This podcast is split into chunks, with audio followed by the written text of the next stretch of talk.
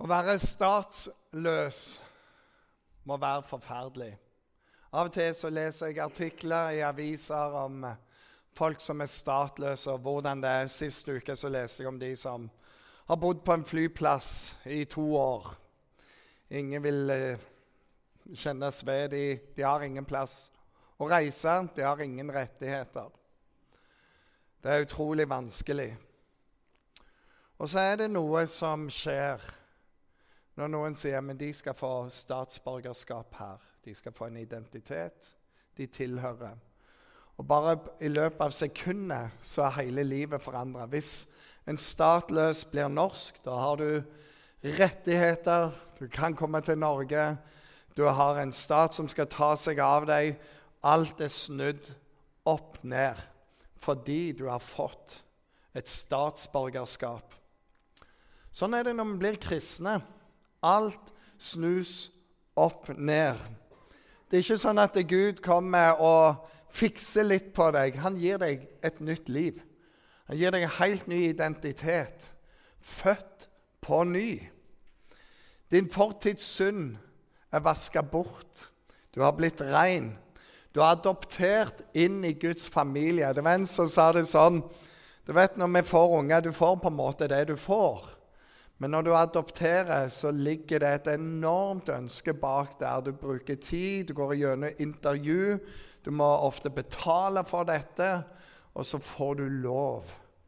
Og noen sier 'Hvorfor vil du?' 'Jeg vil bare få lov å ha et barn. Jeg vil bare få lov å være en forelder.' Og når vi er adoptert inn i Guds familie, så var det betalt med Jesu blod på korset.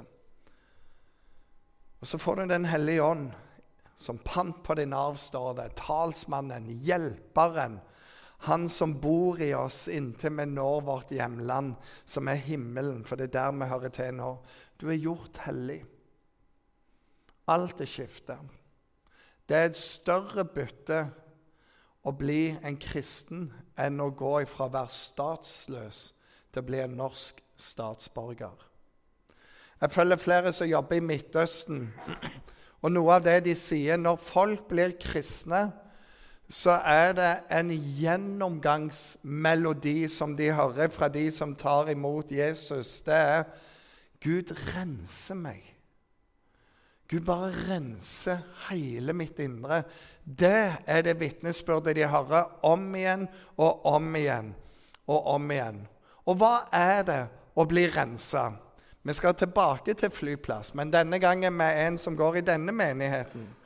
Fordi han i sin ungdom gjorde noen ting. Han kom fra et annet land. Og så kom det noe skriverier i politiets register.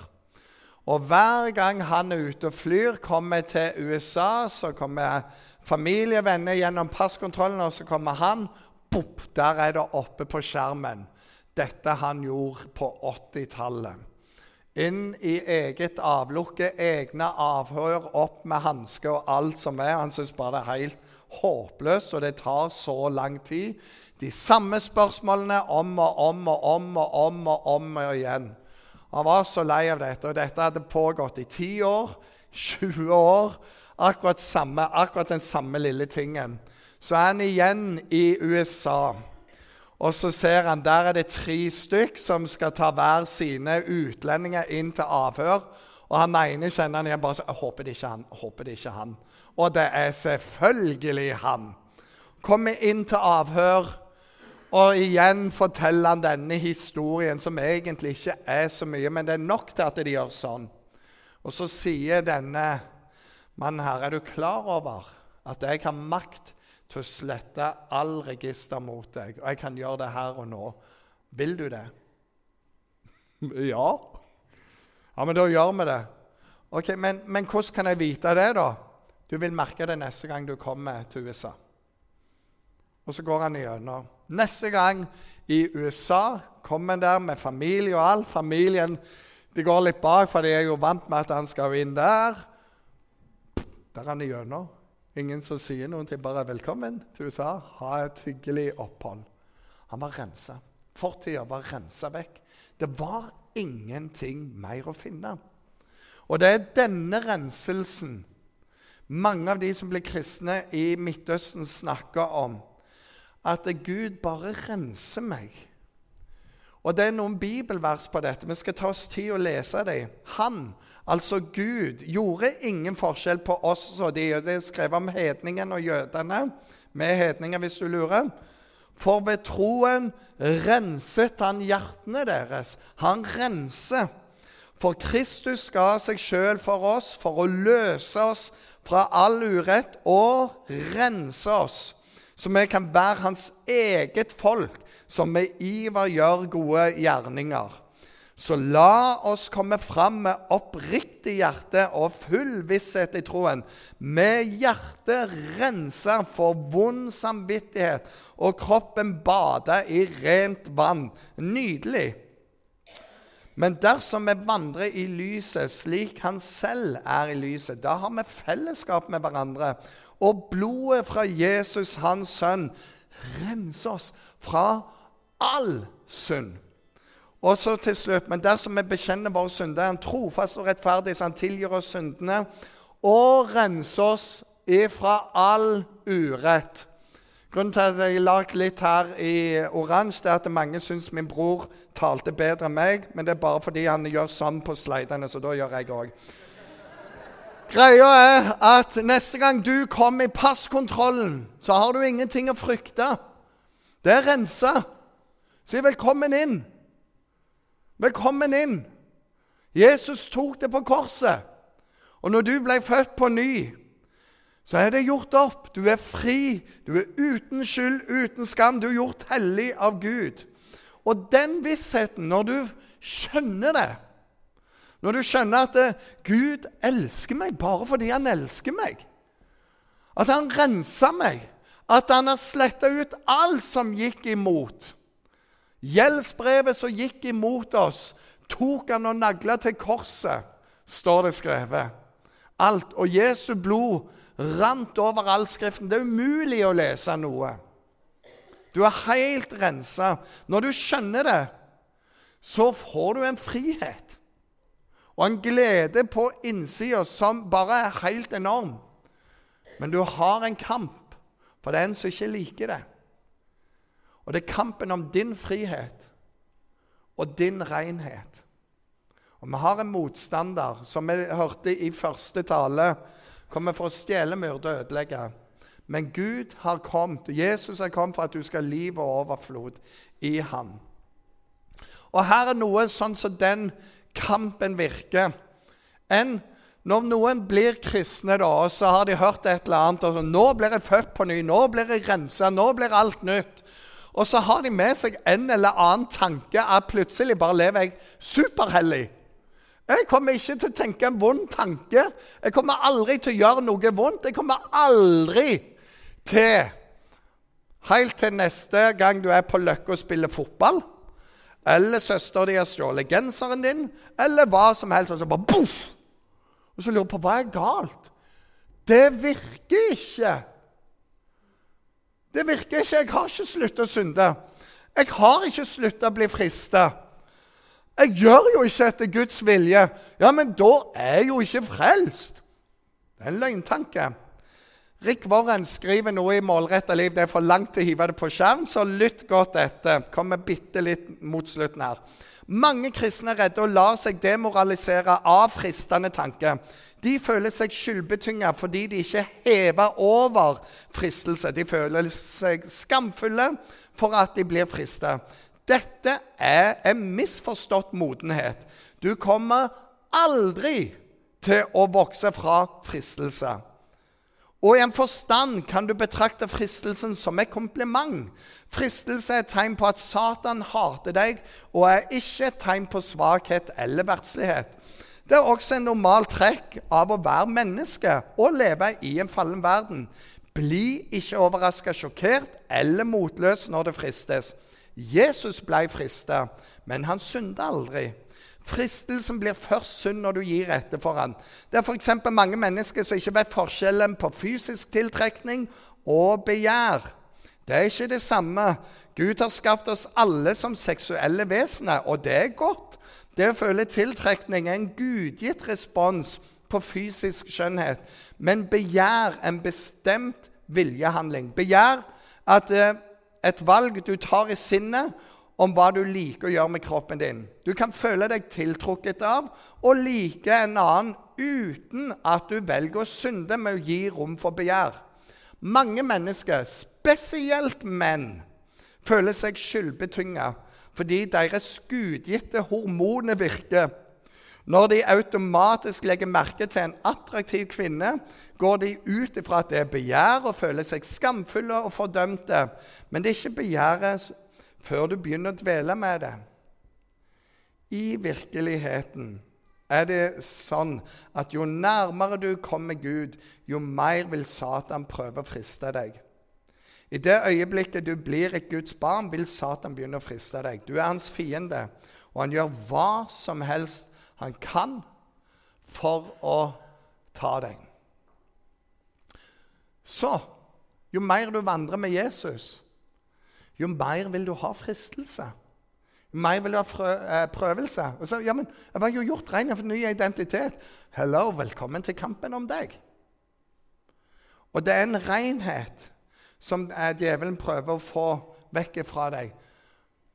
Og det neste eh, knepet han gjør, det er å føle deg mislykka. Jeg blir aldri god nok, jeg.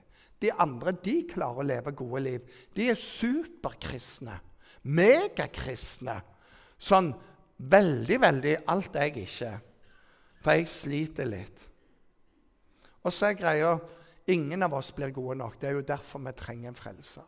Det er jo det som er så deilig med å gi seg til Jesus, som sier, 'Kom, du er elska. Du hører hjemme her.' Og det neste han vil eh, eller Tim Keller han sier dette, her må jo ta ham med. Alltid er Tim Keller her.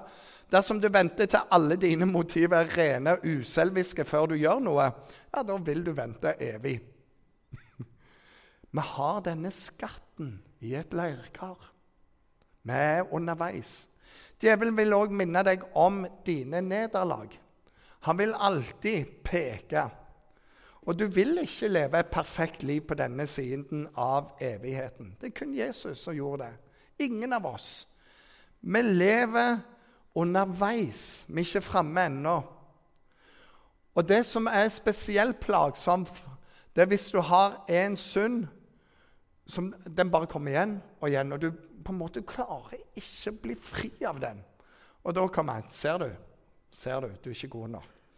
Du er elendig som kristen. For meg er det et bibelvers som har fulgt meg gjennom livet. Det er i Mika. Det går sånn. Gled deg ikke over meg, min fiende. For faller jeg, skal jeg reise meg igjen. Og sitter jeg i mørket, er Herren lys for meg.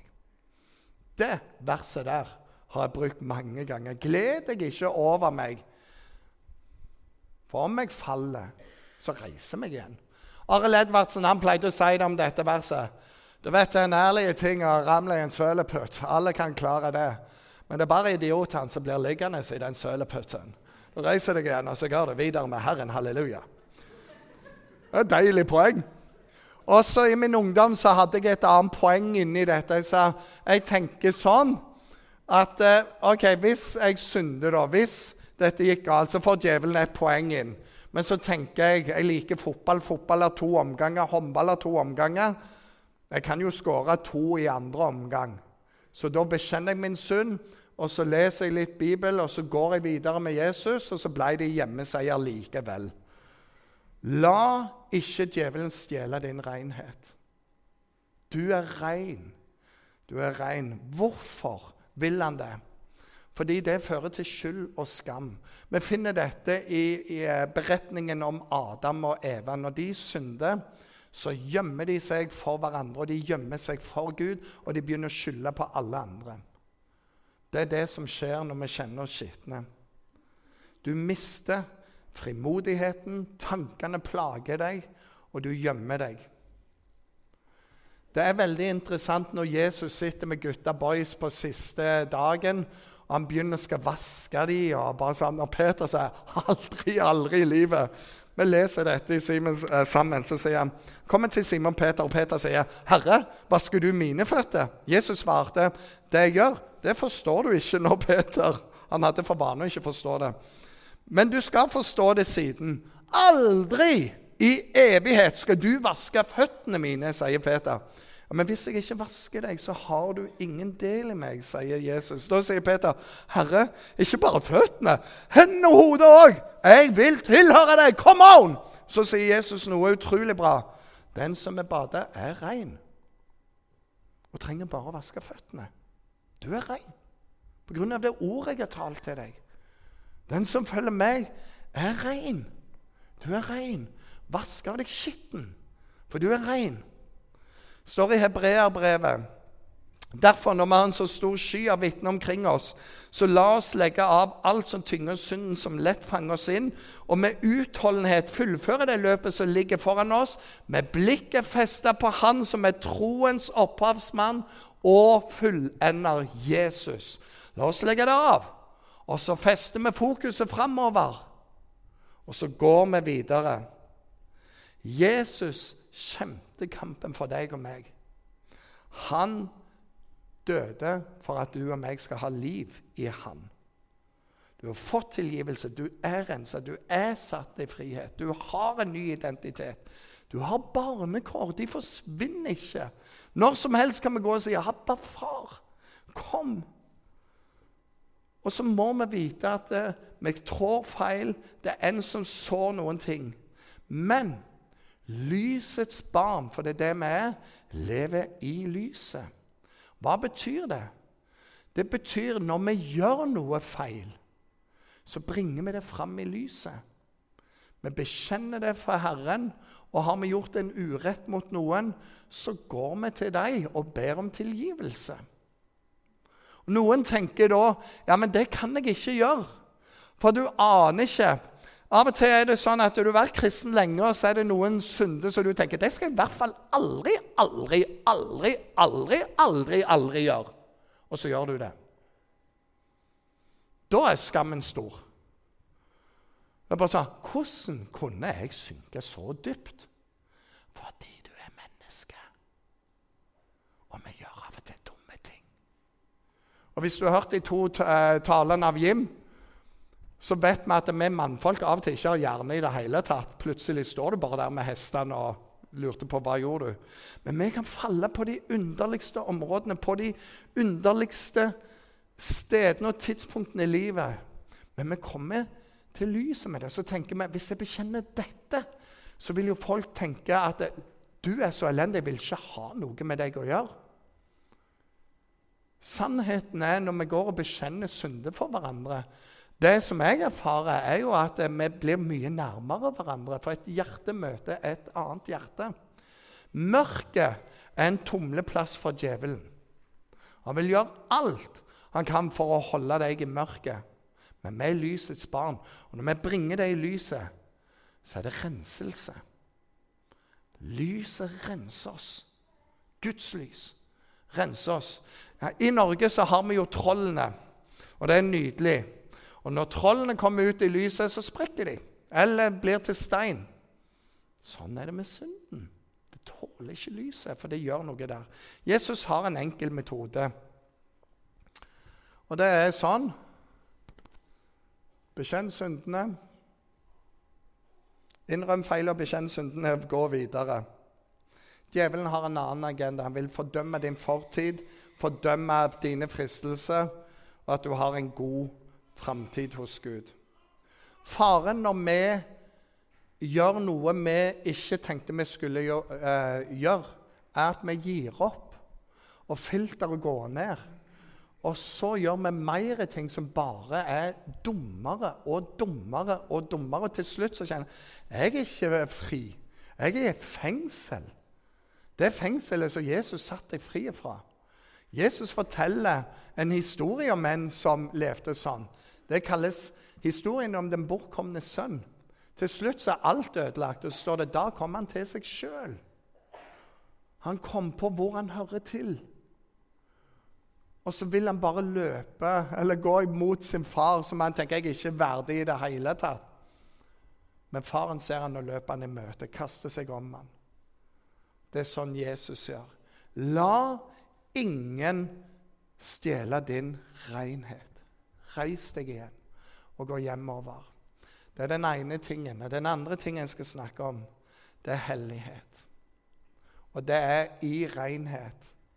Men det er noe med hellighet òg som jeg har på utrolig lenge, og det er dette her. Når du trer inn på hellig grunn, så blir du forvandla. Hver eneste gang. I Guds nærhet, i Guds nærvær, så vil du bli forvandla. Hvorfor? For Gud er der. Gud taler der. Hans herlighet er der. Og det gjør noe med oss. Og Derfor er det kampområdet. Og I Gamle testamentet så finner vi to historier om nå er det hellig grunn. Den ene er Josva. Og den historien går sånn som det. En gang Josfa var i Jeriko, så han opp og fikk øye på en mann som sto framfor ham med løfta sverd i hånda. Josfa gikk bort til han og sa, 'Er du med oss eller med fiendene våre?' Mannen svarte, 'Nei, jeg er føreren for Herrens herr.' Nå er jeg kommet. Da falt Josfa ned med ansiktet mot jorden og sa, 'Hva vil min herre? Nei, hva har min herre å si til sin tjener?'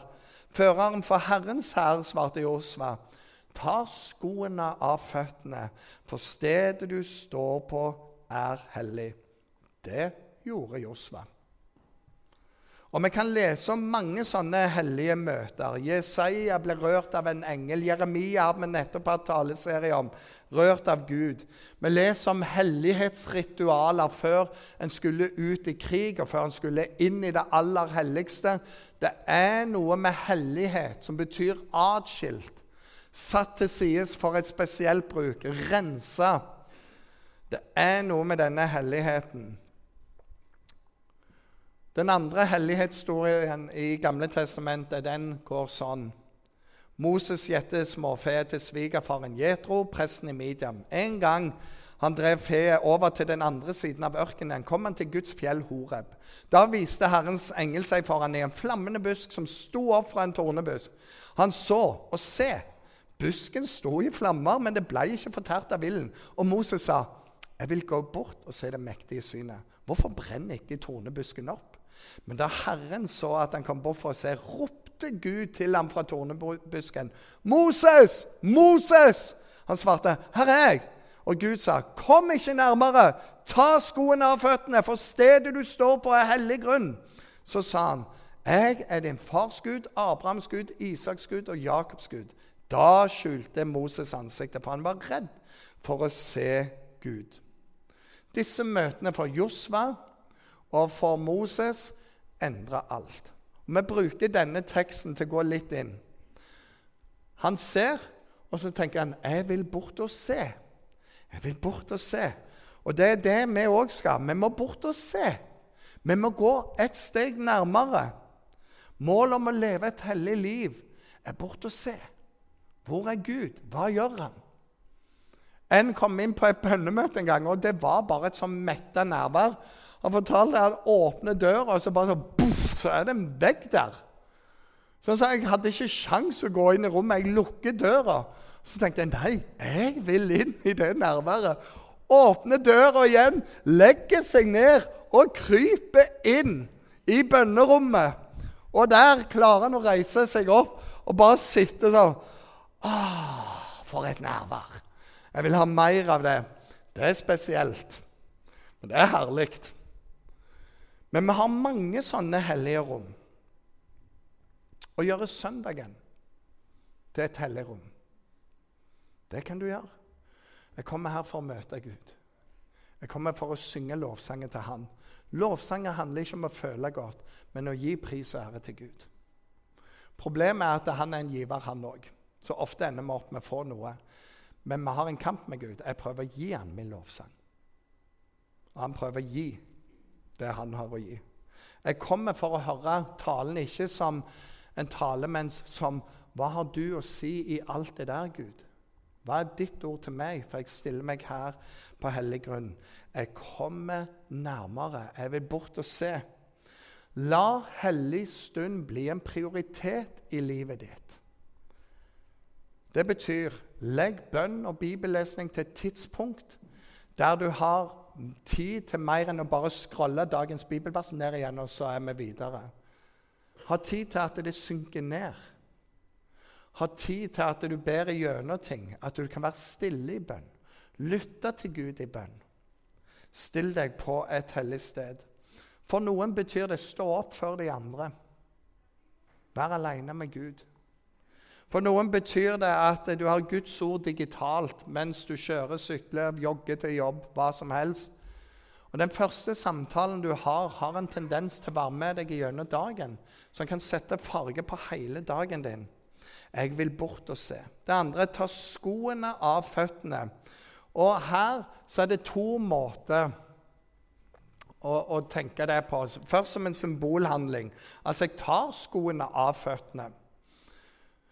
Dere som kjenner meg, vet at jeg har gjort litt sånn forskjellige ting. Jeg har vært pastor flere plasser. Jeg starta menighet og jeg starta eh, arbeid. Og når jeg har kjent meg ferdig med det, så gjør jeg nettopp dette. Jeg tar skoene av føttene, jeg bøyer kne, og så sier jeg, 'Herren, du ga meg dette oppdraget, nå gir jeg det tilbake til deg.' Takk for det du ga meg. Takk for den vandringen jeg fikk lov å være med på. Nå gir jeg menigheten til deg igjen. Nå gir jeg arbeidet til deg igjen. For det var hans hele veien. Jeg gjør det veldig symbolsk. Når vi synger lovsang, av og til så rekker vi opp hendene. For oss som er belemra med å like lagidrett, vi vet hva det er.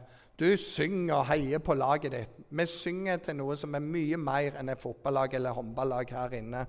Og Av og til bare gir man ære. Det er symbolsk. Ære deg, Gud. Av og legger vi hendene på hjertet og bare all slags. Fordi vi kommuniserer noe gjennom kroppsbevegelsen òg. Av og til når vi ber, så kneler vi. Fordi vi sier dette er hellig grunn. Jeg går ikke bare og sier noe, men nå vil jeg virkelig be for Gud. Jeg har et begjær innenfor Gud. Jeg vil gi det konsentrasjon. Ofte når jeg leser Bibelen, så ber jeg en bønn før jeg begynner å lese. Og den er sånn Gud, nå sitter jeg med ditt ord. Åpenbar ordet på ny for meg i dag. Og så er det ikke sånn at jeg forventer at hvert vers bare så wow! Men jeg leter etter ett vers, en setning, som kan sprette ut, og som jeg kan ha med meg. Symbolsk jeg går til gudstjeneste, kanskje den fremste av alle åndelige vaner. Hold deg ikke borte når menigheten samles. Du går til dette. Når vi har nattvær, kalt Holy Communion Holy Du har blodet, og du har legemet. Er du med? Den tredje tingen Ta skoene av føttene. Du kan òg si sånn at Her er noe av det viktigste jeg har å si om dette med hellig grunn. Når du tar sko av føttene, så betyr det her skal jeg være ei stund. Ikke sikkert det holder teologisk, men det holder i bildet. Men når du banker på ei dør og liksom står der Hvis du aldri tar skoene av føttene, så betyr det at jeg står her i døra, så skal jeg gå. Hvis du tar av skoene, så betyr det at du kommer inn, og så har dere samtale inne. Dere har samvær inne. Ta skoene av føttene betyr her skal jeg være ei stund. Jeg vil jage etter denne hellige grunnen. Det er et uttrykk som sier sånn If the devil can't make you bad, he'll make you busy. Og det er sant. Mye av kampen vår med Guds nærhet handler om travelhet. Og det er én ting som gjør oss mer travle enn noe annet i denne verden, og det heter mobiltelefon.